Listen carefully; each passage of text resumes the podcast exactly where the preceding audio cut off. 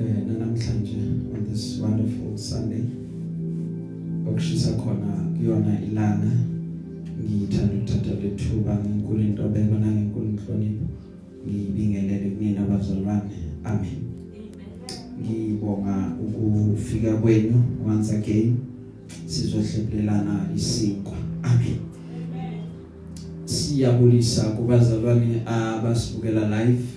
Ku Facebook ngokusizwa inkosi sibingelele to abazalwane abalalela ama audio be it WhatsApp be it ama podcast egameni lika Jesu sibulise to even abazalwane ababukela ku YouTube ngelihle igama lika Jesu amen. Eh siyambonga ubaba uNkulunkulu ngomusa wakhe omkhulu. Nomangalisayo eh, izinto asenzela zona azinakubalwa siyabongeka njalo.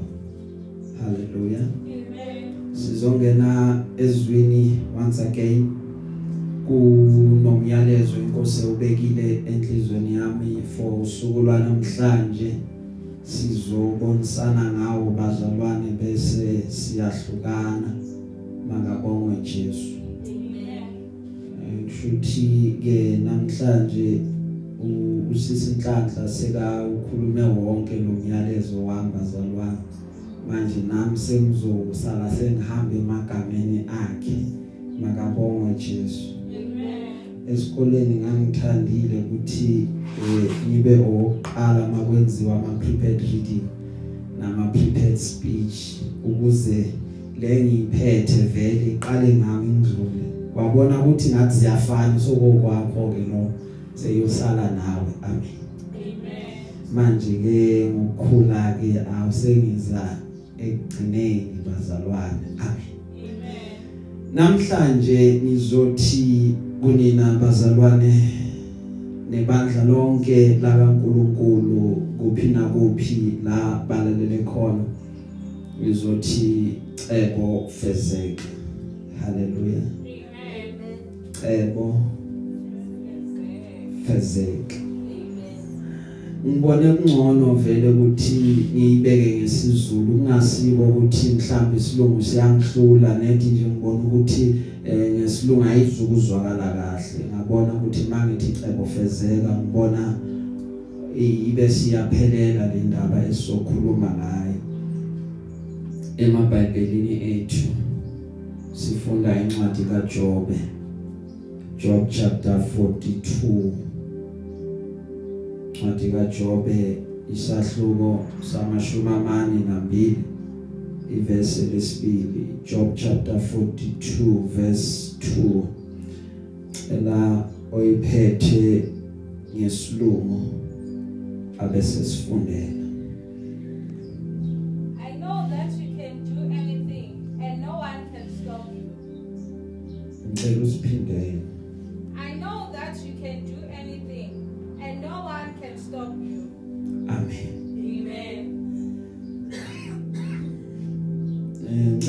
ngicela ukuyifunda ngesizulu lithi iBhayibheli ngiyazi ukuthi ungenza konke. Alinakuvinjwa icebo lakho. Ngiyaphinda futhi. Ngiyazi ukuthi ungenza konke. Alinakuvinjwa icebo lakho. Sizovala namehlo ethu. Sicelo yedwa bese sikhuleke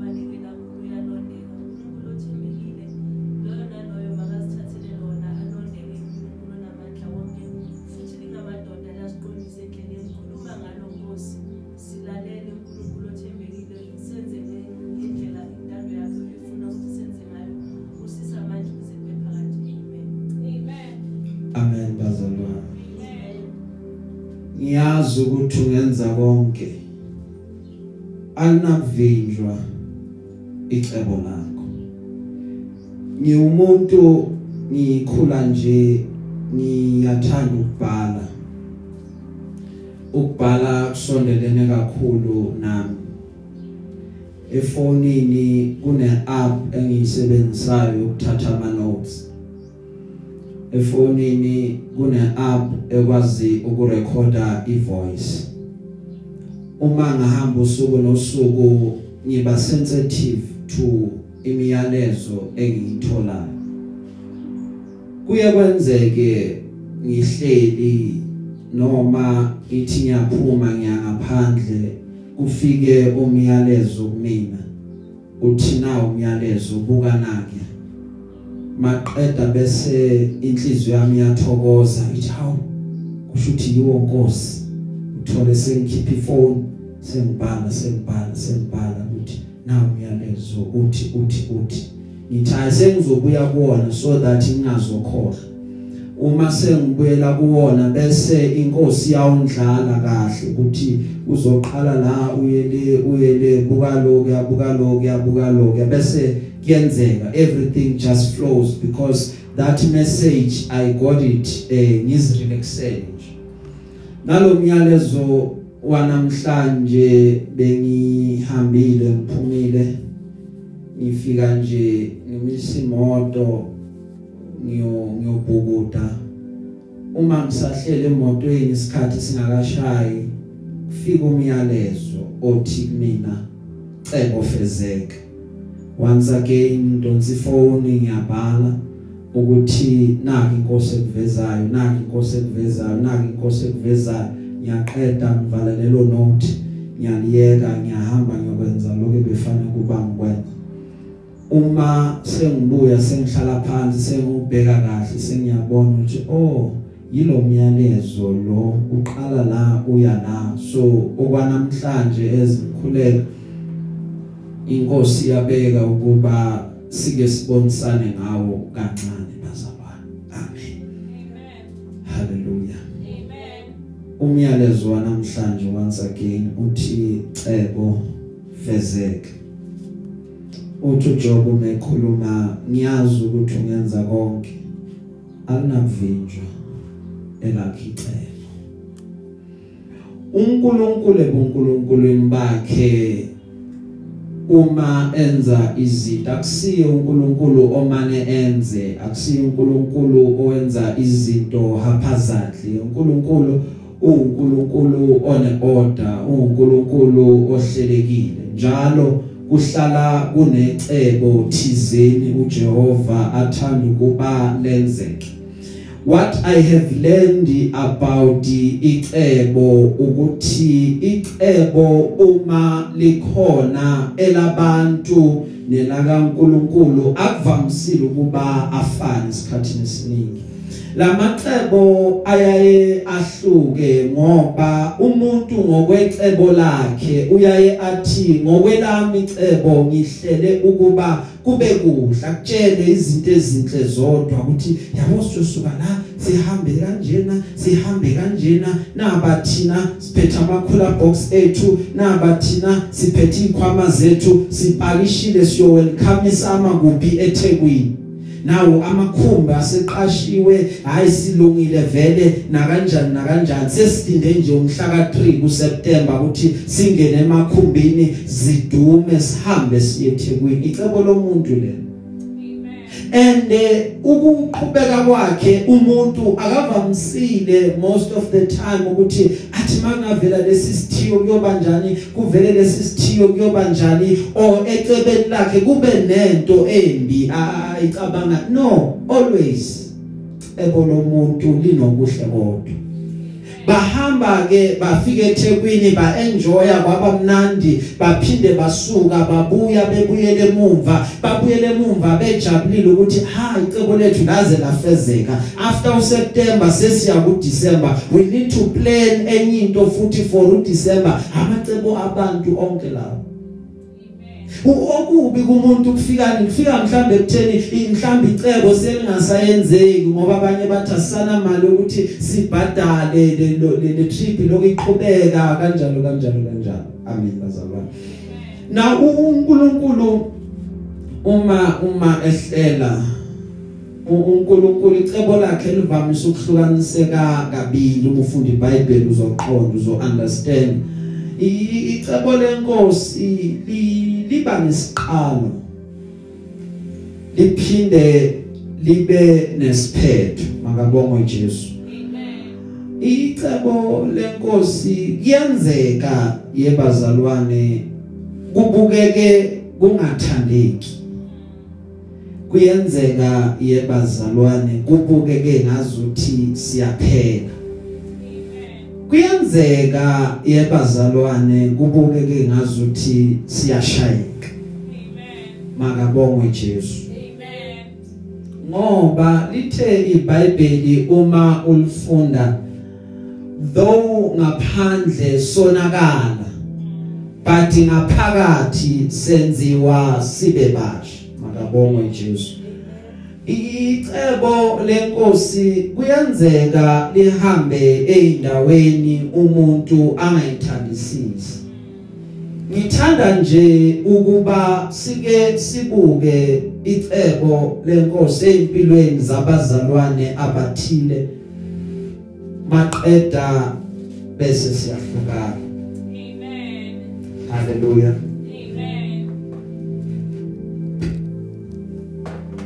so uma silifunda iBhayibheli bazalwane bami kunomzalwane eBhayibhelini esimtholayo. Igama lakhe uAbraham lithi iBhayibheli uAbraham heard from inkosi ithi kena phuma ezweni lakho phuma ehlotsheni hamba uyezweni engiyakukhomba lona. Lelo zwe yizwe uJehova athanda ukuba ahamba ayohlala kulona. Lithi ke iBhayibheli uma silifunda wathatha umzala wakhe wathatha nobabakhe uThera.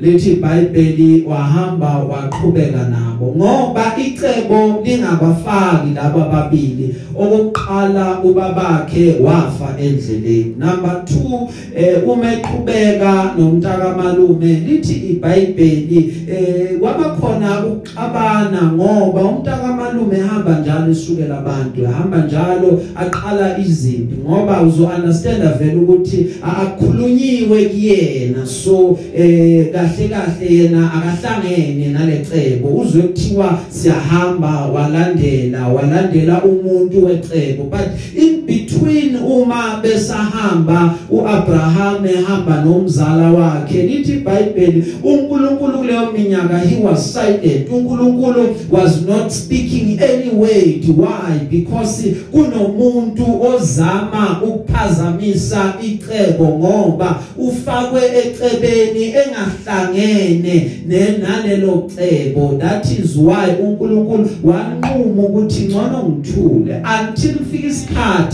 la uAbraham athi kuyena eh sizalwa indoda eyodwa mina nawe masingaqabani kungcono sihlukane. If you go east i go west. If you go north i go south. Uma sebaqeda ukuhlukana uyaqhubeka uNkulunkulu uyakhuluma kuAbraham ngobani? Ngoba kahle kahle uAbraham umuntu wecebo. Ukuze icebo lifezeke maqeda uthi uNkulunkulu kuyena Abraham ngiyakwenza isizwe esikhulu. In other words lokho qhamuka kuwena shall be great nation evela kuwena. Now lithi ke iBhayibheli ngenxa yokuthi icebo likhona bazama ukusheshisisa icebo. Bathi akangene kuHagari isigqilakazi. Wangena kuHagari isigqilakazi. Wayazala ingane. Uma ingane isizelwe lithi iBhayibheli noAbraham noSara uma sebazele yabi ingane ingane le kaHagari yadelela ingane kaAbraham. Maqeda uHagari wathatha ingane wathi hayi yazi sengiyaphuma mina ngiyahamba ngiyashiya kuleli khaya. Lithi ke iBhayibheli esilifundayo uma esahamba uNkulunkulu spoke to uHagari wathi Hagari nendodana yakho ngiyakuyenza into a great nation.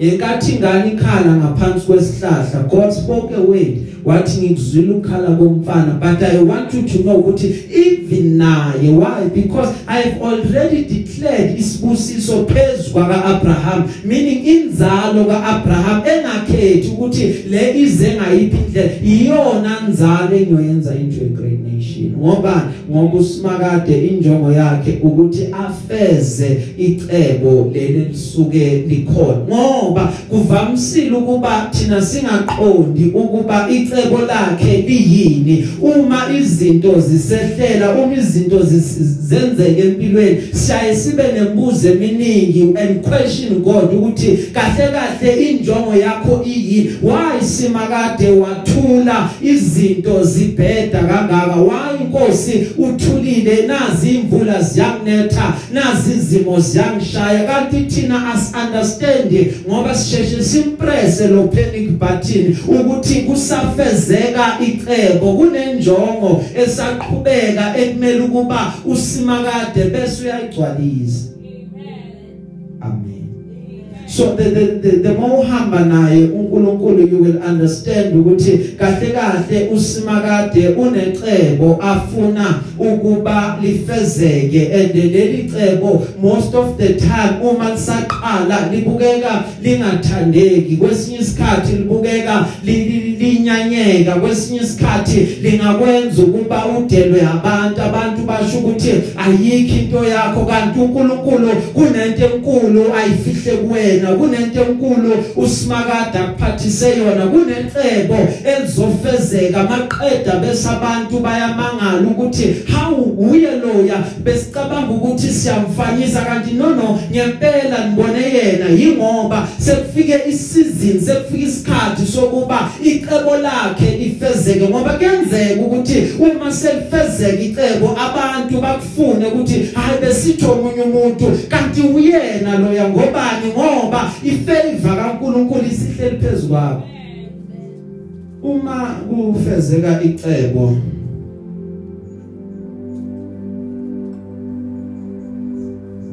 lithi iBhayibheli umfana uyaphupha uma umephupha ukulandisa abafowabo benephupho lithi iBhayibheli bayalitolika iphupho. Bathi yabona uyasibhedela. Lo lo sizomthola uphinde uyaphupha umfana utshela abafowabo sekukhona nobaba. Lithi iBhayibheli ba ubaba uyalitolika iphupho. Maqeda lithi iBhayibheli wawagcina amazwi ukuthi umfana uphupheni. Athi emfana inzima lento zanayo ukuthi mina nonyoko nabafowenu siyakukhothamela wena. Maqeda lithi iBhayibheli ngelinye ilanga ubaba athuma umfana ukuhambisa ukudla kubafowabo belusile. Lithi iBhayibheli ubaba bemthanda umfana.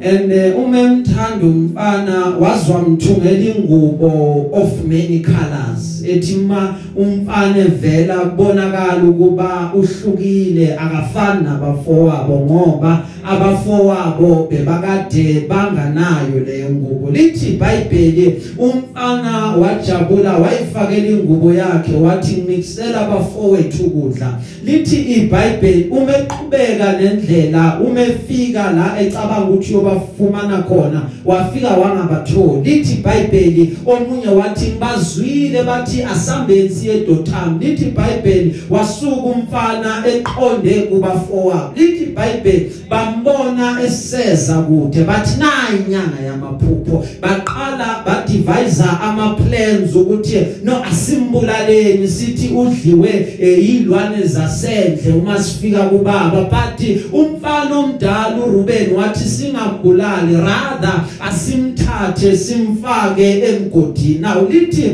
iBhayibheli uma bemfaka bemehlisele emgodini bathatha ingubo yakhe babulala isilwane bayibheca ngegazi ukuze ingubo iyoba ufakazi ekhaya ukuthi umfana usefika efile lithi iBhayibheli uma esemgodini wakhala umfana because aka understand ukuthi abafowethu ngibenzeni kangaka ukuze bangifake emgodini. Uma zehla inyembezi kwaqhamuka amaIshmayeli. Ithi iBhayibheli uma qhamuka amaIshmayeli bamthatha bamdayisa umfana. Uma bemdayisa umfana kanti sekasendleleni eya eGibhithe bangaqondi banga understand ukuthi ngamanye amagama bathi cebo fezeka. Ukuze icebe elikhulu lizofezeka bebathi siyamthengisa ukumthengisa kwethu it means ukuba sesiqedile ngamaphupho. Asiphinda sizumuntu athuphuphile ende nabo baqala bangasathembani ukuthi ngizothi ngilanda iphupho lami bafowethu maqeda nami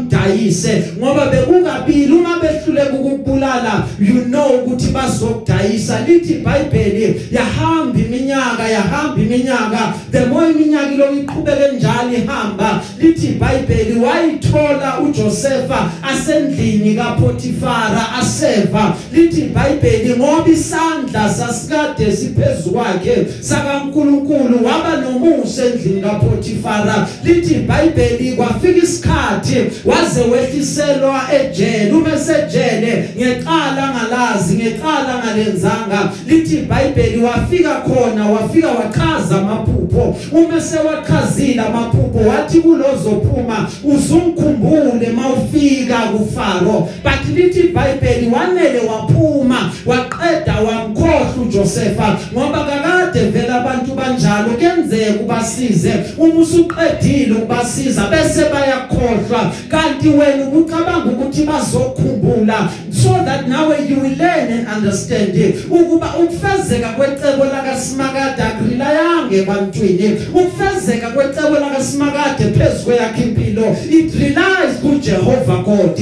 Akusho ukuthi uNkulunkulu uzosebenzisa abantu abakwaziyo. Akusho ukuthi uNkulunkulu uzosebenzisa abantu abakujwayele uNkulunkulu angathinta noma ubani noma ngayikuphi ukuzicebo lizofezeka ngoba injongo enkulu ukuba ungaye thuneli lingakafezeki icebo.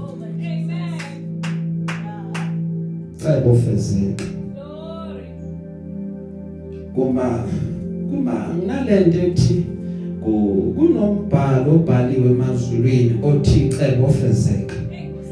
Sihleli nje sibuza imibuzo ukuthi kungani kungalendlela wayindlula kulobuhlungu engidlula kubona wayindlula kulosizo engidlula kulona. It is because we don't understand ukuthi eh, khona lento ephekwayo. Khona lento simakade afuna kuba yakhe ukuze icebo lakhe bese liyafezeka. Lithi ke iBhayibheli wamkhohlwa eh, lo yamuntu lo beka sebenza noFaro. Lithi iBhayibheli until uFaro azaphupha iphupho uma uFaro esephuphile iphupho wakhumbula. Wathi oh kunendoda echaza amaphupho. Faro kungeke yini uyikhuphula from ejele ize kuwena izochaza iphupho? Walandwa wakhushulwa wazochaza iphupho. Uma eqedile ukuchaza iphupho wanikezwa isikhundla. Because kwabuza umbuzo kwathiwa where can we find a man ohlakaniphe njenganawe? Where can we find a man omaziyo uNkulunkulu? Kwatholakala ukuthi akekho umuntu ekugibhithe lonke kwadaleka kwacreate isikhala somsebenzi esingekho. I am a firm believer yokuthi uNkulunkulu uyawuvula umsebenzi noma ungekho. uNkulunkulu angakuvulela iposition ecompanyini noma ingekho. Ukuze wena uqasheke ngiyakukholelwa lo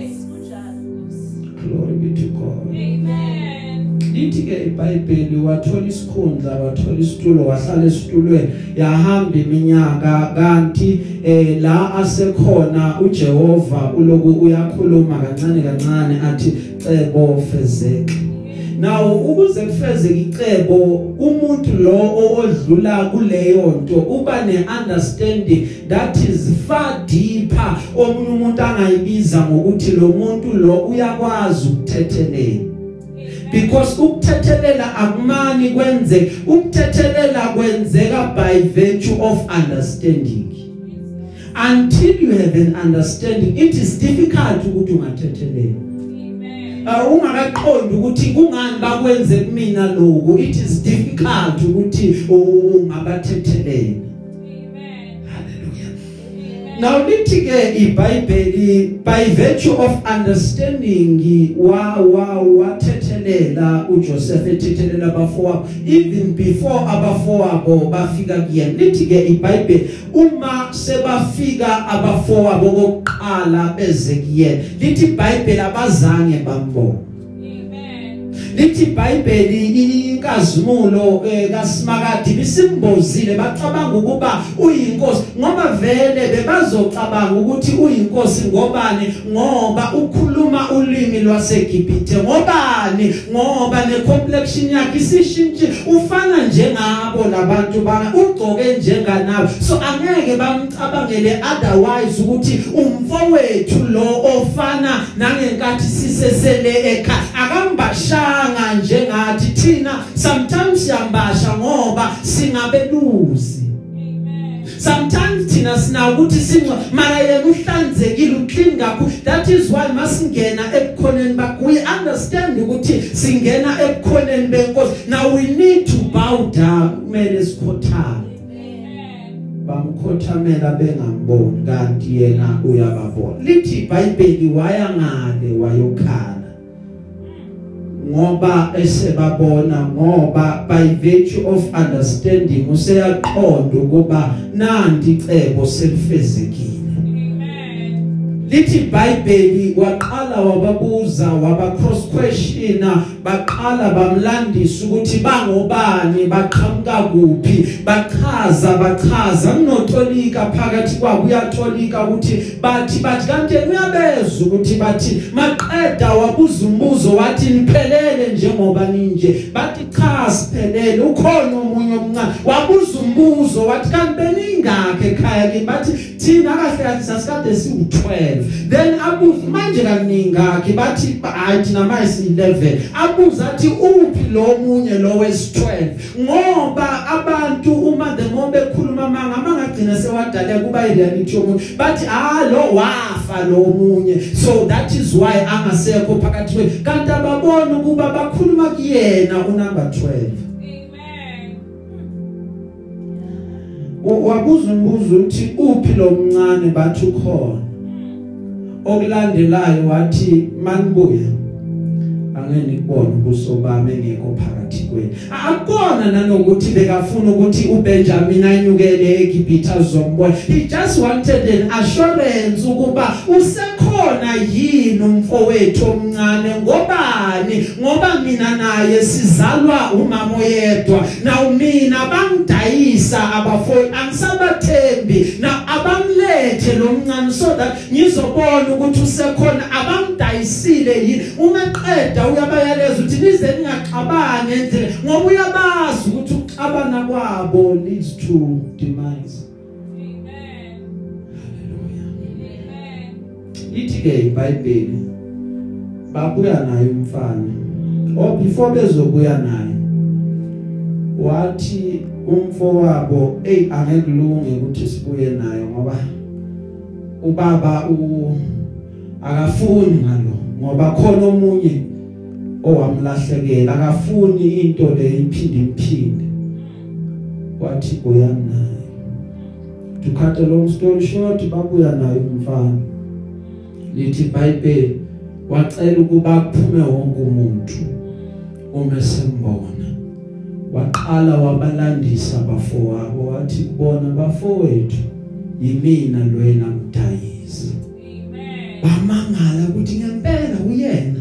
Bathi mabeyibuka iposition yabo babona ukuthi vele siguqile vele simkhothame. Angithi ushilo wathi niyakukhothame ngoba inkulu lento uNkulunkulu angiphathise yona.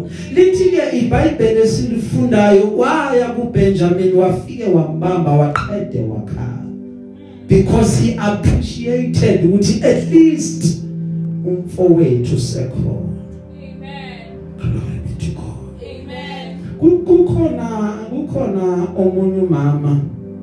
Lithi iBhayibheli olifundayo wakhuleka ekhulekela ingane wakhuleka ekhulekela indodana wathi inkosi eh usungiphe yena then ngizawuqaphela ukuba ngimbuyisele kuwena. Lithi ke iBhayibheli esilifundayo uma ingane isizelwe lithi iBhayibheli wayithatha ingane ngempela lo mama wenza ukuthembeka wayibuyisela enkosini. Lithi ke iBhayibheli ngoba ubekade ekhulumile wathi inkosi ngifuna ukuba singene ku partnership mina nawe. Wena give me a son mina I will give you a prophet then lapho sokusho ukuthini kusho ukuthi icebo liyafezeka ngobani simakade needs a prophet.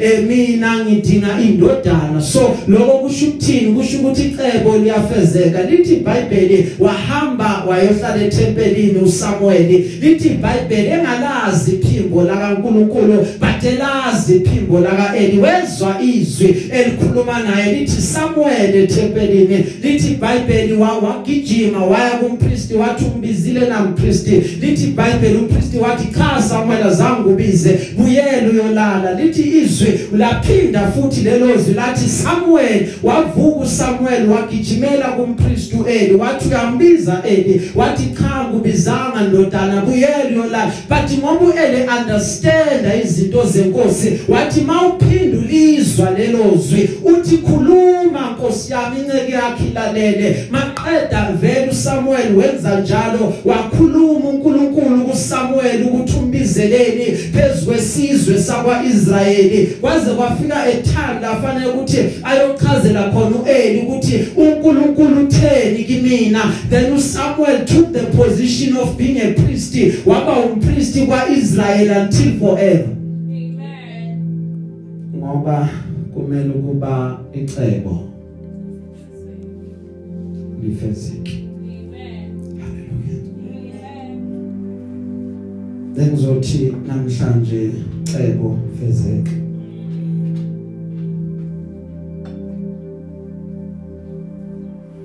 i i understanding ithini understanding ithi sometimes icebo lakhe kungabukeka ngazuthi lihamba kancane.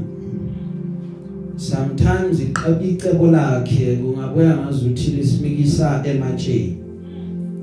Sometimes icebo lakhe kungabuya ngazuthi sisele sisodwa. Kanti cha akukona ukuthi sisodwa uNkulunkulu usaqhubeka umenathi Amen. glory be to God. Amen. icebo lakhe kumele ukuba lifezeke. Icebo lakhe ngasikhathi nginokulifanisa neabnormal.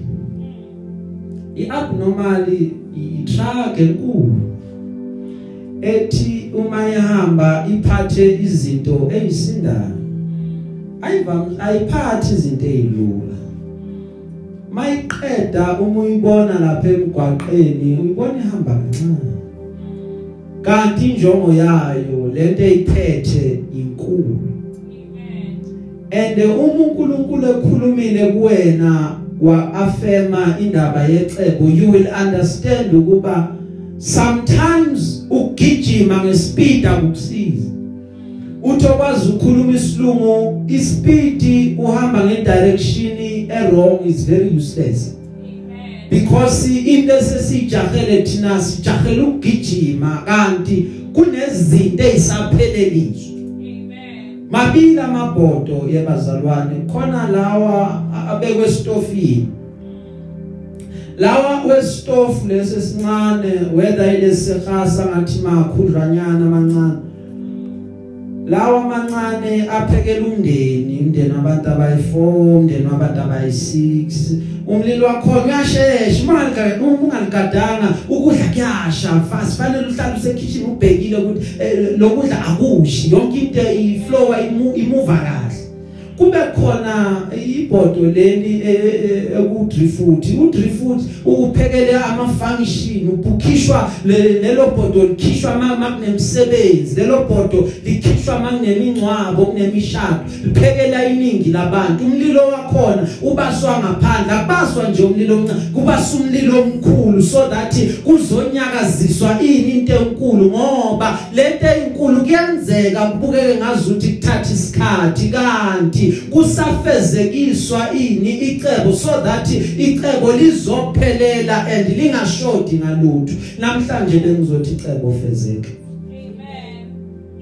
lithi ke iBhayibheli esilifundayo bazalwane bami kunendoda.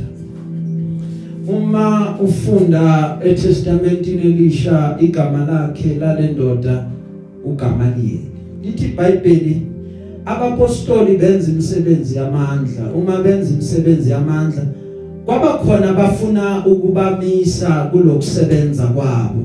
Kwaba khona abafuna ukulwisana nalento abayenzayo. But uGamaliyeli waba nobuhlakani wathi kulaba bantu eh understandani one thing ukuba uma lento abayenzayo kungeyabo izohamba hamba iphelele endleleni.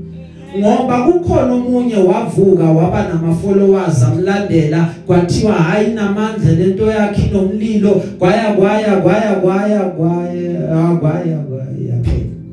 Kwaphinde kwavuka omunye kwathiwa hayi namandla lento yakhe naye same story kwaya kwaya kwaya kwaya yaphela. Eh kwaba nje umlilo wamaphepha wavutha nje. Waphela kuthiwe into ekaNkuluNkulu yahamba yahamba yaphelela endlini uthi uGamaliyeli uma ekhuluma nalamadoda ngiyasaba mina uma nilwisa lanka madoda uma ngempela amkhonza uNkulunkulu ngoba nizothola into eyodwa. Ukuthi nizothi niyawalwisa kanti senilwa. noJehova uqobo lwakhe maqeda bese aniphumeleli ngoba ngoba icebo lakaNkulunkulu alilwiswa yebazalwane but kunabantu abavumayo ukuthi basetshenziswe ukumelana necebo. Bathi thina sizolwisa bathi thina sizomelana nalo bathi thina sizomelana nogcotshiweyo kaJehova. Kanti sebayilandela inkathazo nenkinga ngoba icebo lakaSimakada lwiswa that's why uJob athi alinakuvinjwa cebo lakho. Alinakuvinjwa ngenzeka lichinje direction bocansi yale ubone sesiyale. But understand ukuthi alivinjwa alivimbeki. Amen. Athi Davide uNkulunkulu osifohlelayo ufohla njengamanzi afohla kuphi? Afohla edwaleni. Uma kufezwa icebo yebazalwane nalo mzalwane igama lakhe uDavide lithi iBhayibheli uDavide ube umfana alusa izimvu zikayise. Uma elusa izimvu zikayise lithi iBhayibheli ngelinye ilanga ubaba wamthuma naye emthuma kubafowabo. Uma emthuma kubafowabo lithi iBhayibheli uma efika uDavide bambuza umbuzo ukuthi awu ufunani ke wena la? Uthi hayi ngithunyiwe phela. But kuba nalento emkhathazayo uma ebabona ngoba kuyazi ukuthi abafowabo amaqhawe wempi abantu bokuphumela impi but ngalelo langa uma efika uthola kunomfilisti oyedwa uloku ubhizi ukuxolodela impi kaJehova. Ubuza umbuzo uDavid uthi ungubani lo mfilisti ongasokile ukuthi adelele impi kaJehova na? Kuyalandwa ukuthi lo mfilisti igama lakhe uGoliath. Angithi haleluya. Umetshelwa ukuthi uGoliath then the next question David asked is eh uyonikezwana umuntu oyobulala lo mfilisti? Then uyatshelwa ukuthi hayi eh uyothola lithi iBhayibheli wathi i i am capable because uh, i understand ukuthi ekulweni kwami lembi khona umvuzo. Then maqeda lithi iBhayibheli uma uDavide ezosondela bayamthatha bamikise enkosini. Uma bemikisa kuSawuli inkosi lithi iBhayibheli mafika kuSawuli uthi eh Nkosi ngingalwa nalomfilisti maqeda bese ngiyamnqoba. Lithi iBhayibheli wathi kuyena uSawuli eh ndodana eh, awume kancane ngamawali kodwa uthe uzalwa ubani uthi hayi ngizalwa uJese. Uthi eh ndodana eh before siyona lento ngifuna ukwazi ngifuna wazi ukuthi uqonde ukuthi lo mfilisti uyifundele lento ayenza la. Eh impi wayiqala ebuncaneni bakhe wayiqala esesewumuntu omusha. But lithi iBhayibheli wathi uDavide nami mosi impi ngayiqala ngisesewumuntu omusha. Lithi iBhayibheli naye walanda bakho ubufakazi. Wathi ngelinye ilanga ngilusile kwaqhamuka ibhele ngalibamba ngezandla zami maqeda ngalidwengula. Kwaqhamuka ingonyama ngayibamba nayo ngayidwengula. Nganqoba izimpi ngingedwa ehlane kunganamuntu ngoba ngangikade ngithunyelwa la kunamabhere neingonyama ngaze ngafunda ngadevelop amandla wokuthi impi uyilwa kanjani isuwedwa ungana spectator ngoba understand ukuze kufezeke icebo kunezimpi emele kuba uyinqobe in your secret place la bantu bengekho khona. At the same time kunezimpi once you overcome sewuyinqobile kunezimpi ozobe usuyayinqoba in the public space. Lezo zimpi oyinqoba in the public space yizona ezo elevator to your next level.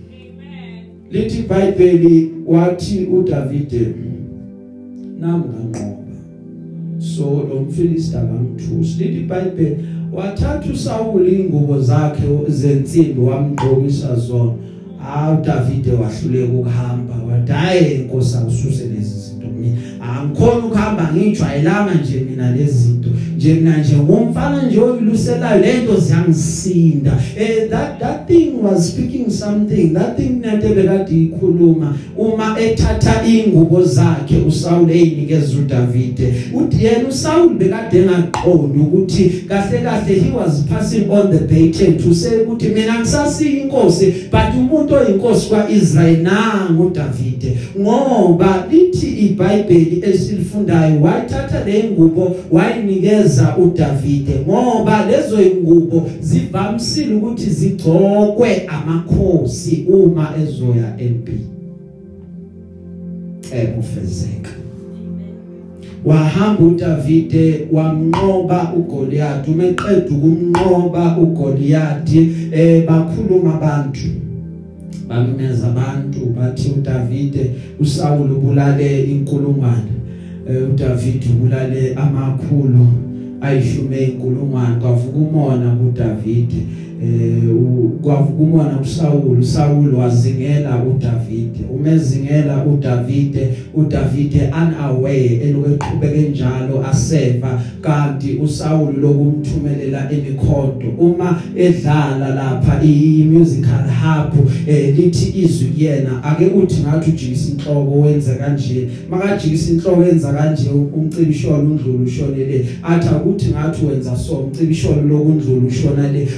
Wahluleka uSaul ukuthi amthole uDavide khona zombulala lithi iBhayibheli waqhubeka waphesisa efuna ukwenza njani? Uqeda ngoDavide. Lithi iBhayibheli ngelinye ilanga baze babalekela emgedeni. Uma befika lapho eh, ku- ku- ku- kuleyo migede leyo bafika bobabili balala. uDavide namabutho akhe noSaul namabutho akhe. Bese lithi iBhayibheli amabutho kaDavide noDavide bavuka. Uma sebavukile in the on the caves wase Adullam lithi iBhayibheli uma sebavukile maqeda bathi uDavide buka weDavide uNkulunkulu ukubambele isitha sakho. Maqeda bathi lamadoda hamba ungena umbulalo maqeda lithi iBhayibheli wangena uDavide umengena wakhumbula into eyodwa ukuthi angizi ukuthinta ogcotshiweyo kaJehova ngoba noma esenje noma ubukhona bakaNkuluNkulu bungasekho kuye but it remains one true fact ukuthi lo ungogcotshiweyo kaNkuluNkulu lithi iBhayibheli wavele nje wangena wasika umphetho wengubo waphumela ngaphandle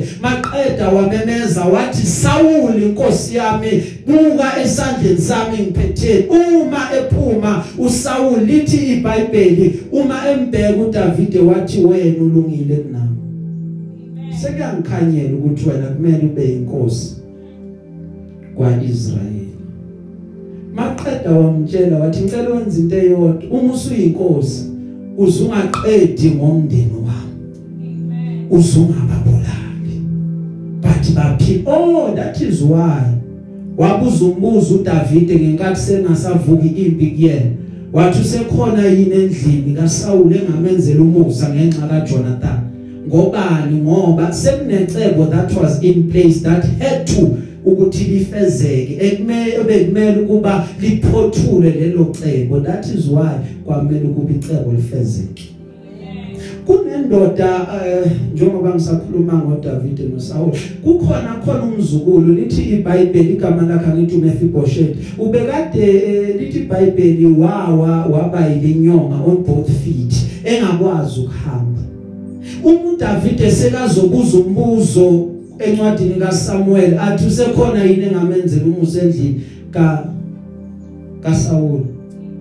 Kwathiwa wathi uziba ukhona.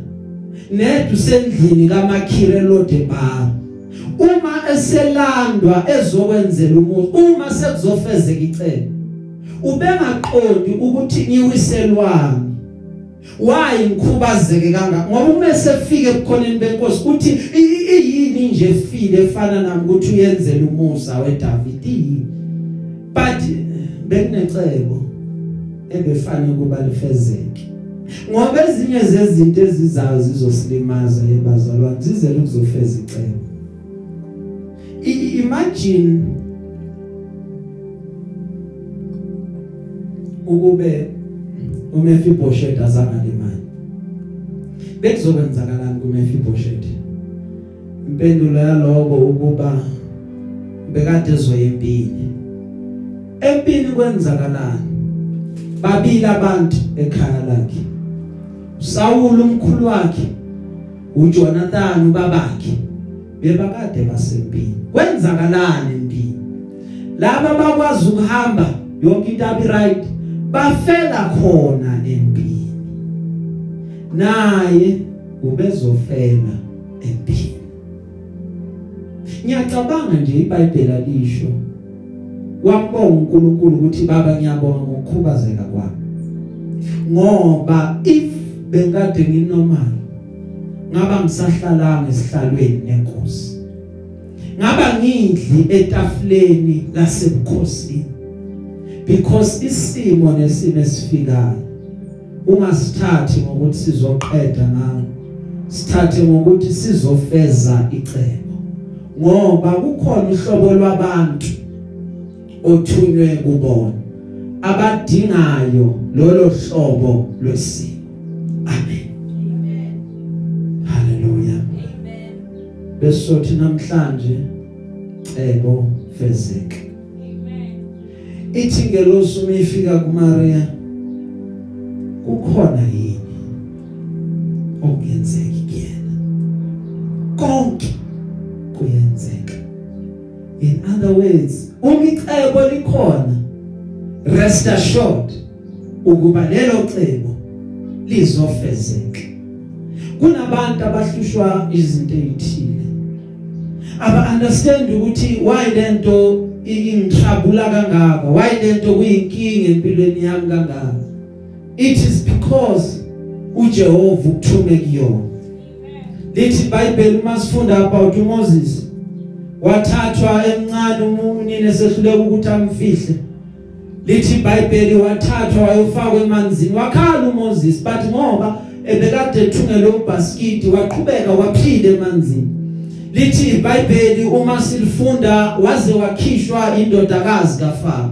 Uma esekhishiwe waqanjwa igama kwathiwa kuyena wena nguMoses ukuthi Moses kusho ukuthi lo ukhishwe emanzini. Uma ehamba noIsrael into eqala uIsrael abukana nayo ukuthi uIsrael udinga ini udinga amanzi. Then uMose wathi khululekani mina namanzi siyaza. Ake wangihlupha amanzi but I've learned to master the water. Now angisena inkinga yokuthi ngingayokhomanda even idwala ngithi idwala khipha ngiyokhipha amanzi ngoba lento yayikade ingihlupha kwasebuncaneni bami. But ngakwazi ukuba ngiyinqobe so khuthalela ukuba unqobe lezi zinto obukana nazo ngobani? Ngoba uNkulunkulu ukuthume kuzona ukuthi uyokhipha abantu ababukene nalezo zinto. That is why kubalulekile ukuthi usuku nosuku ulokuthi cebo fezeke empilweni yami. Angimazi uNkulunkulu ukuthi uhlele ini ngokweyami impilo but I appreciate konke la angidlulise khona ezintweni eziyeza ngishaya because now I know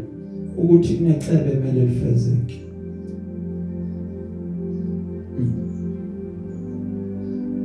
Ngizwakala Amen. Okay ngifuna ukugcina ke. iBhayibheli uma silifunda kunendoda igama layo uPhilip uPhilip uthunywa inkosi inkosi umemthuma ethi suka kulaba bantu wehlele endleleni. Mawufika lapho kunomuntu ozomthola yasuka uPhilip ulalela izwi ulandela izwi. Mefika kuleyo ndlela elibona ikalishi uma efika kuleyo nqola lithi iBhayibheli wafika wakhuluma. Naloyo muntu ophakathi. Loyo muntu ophakathi ubeqhamuka eEthiopia isikhulu saka Kadaki lithi iBhayibheli bekade kuumthelo ephethe iscroll afunda incwadi kaIsaya. Uma efunda incwadi kaIsaya. Uyabuza uPhilip ukuthi uyayiqonda yini lento oyifunda? Uthi ngiyayiqonda kanjani? Ingekho umuntu ongichazelayo. Bese lithi iBhayibheli bese uPhilip uyamchazela. Uma esemchazela bayahamba. Uma behamba ubona amanzi uthi yini into esasele. Kungcono ngisale sengibhabhadiswa. Then lithi iBhayibheli kwenzeka vele lokho. Wasala vele wabhabhadiswa. But understand this thing sesicini ukuze icebo lifezeke uNkulunkulu uyambuka umuntu. Akhathaliseke ukuthi ukuphi. Akhathaliseke ukuthi unani. Injongo enkulu ukuba icebo lizofezeka.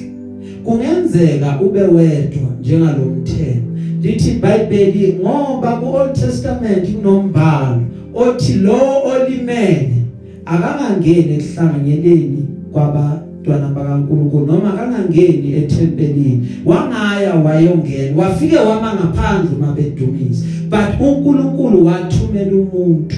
Ozofika azokhuluma naye a-address yena ukuzicebo lifezeke. Haleluya Amen. empilweni yakho thana cebo fezeka uthi obhala incwadi yamahumbo kwangilungela ukuba ngihlushwe ukuze ngazi imiso zakho. Ungakahlushwa ngaduka. Sometimes siyalahleka. Uma singakahlushwa kukhona uhlobo lokuhlushwa oluyilungele impilo yakho.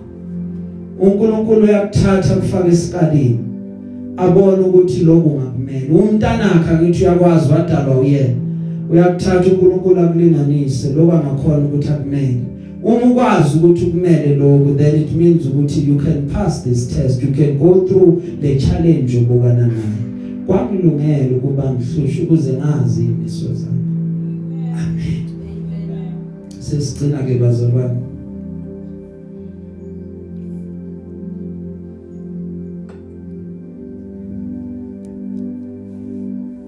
Lithizwe. Encwadini ama Proverbs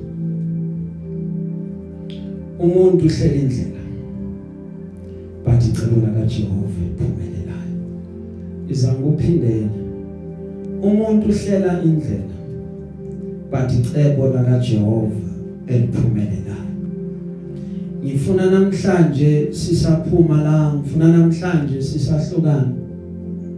Uthi Nkosi letha amacebo ami ahambisane namacebo akho. Uthi Nkosi eyakhe intando ayenziwe kweyami ngifuna uthi namhlanje cebo fezeka empilweni yami. Icebo lakaSimakade lona leli uJobe athe alinakuvinjwa. Ilona kanye efanele ukuba lenzeke. That is why lithi izwi lenkosi ngiyazi ukuba ungenza konke lingevinjwe kuthi icebo lakho.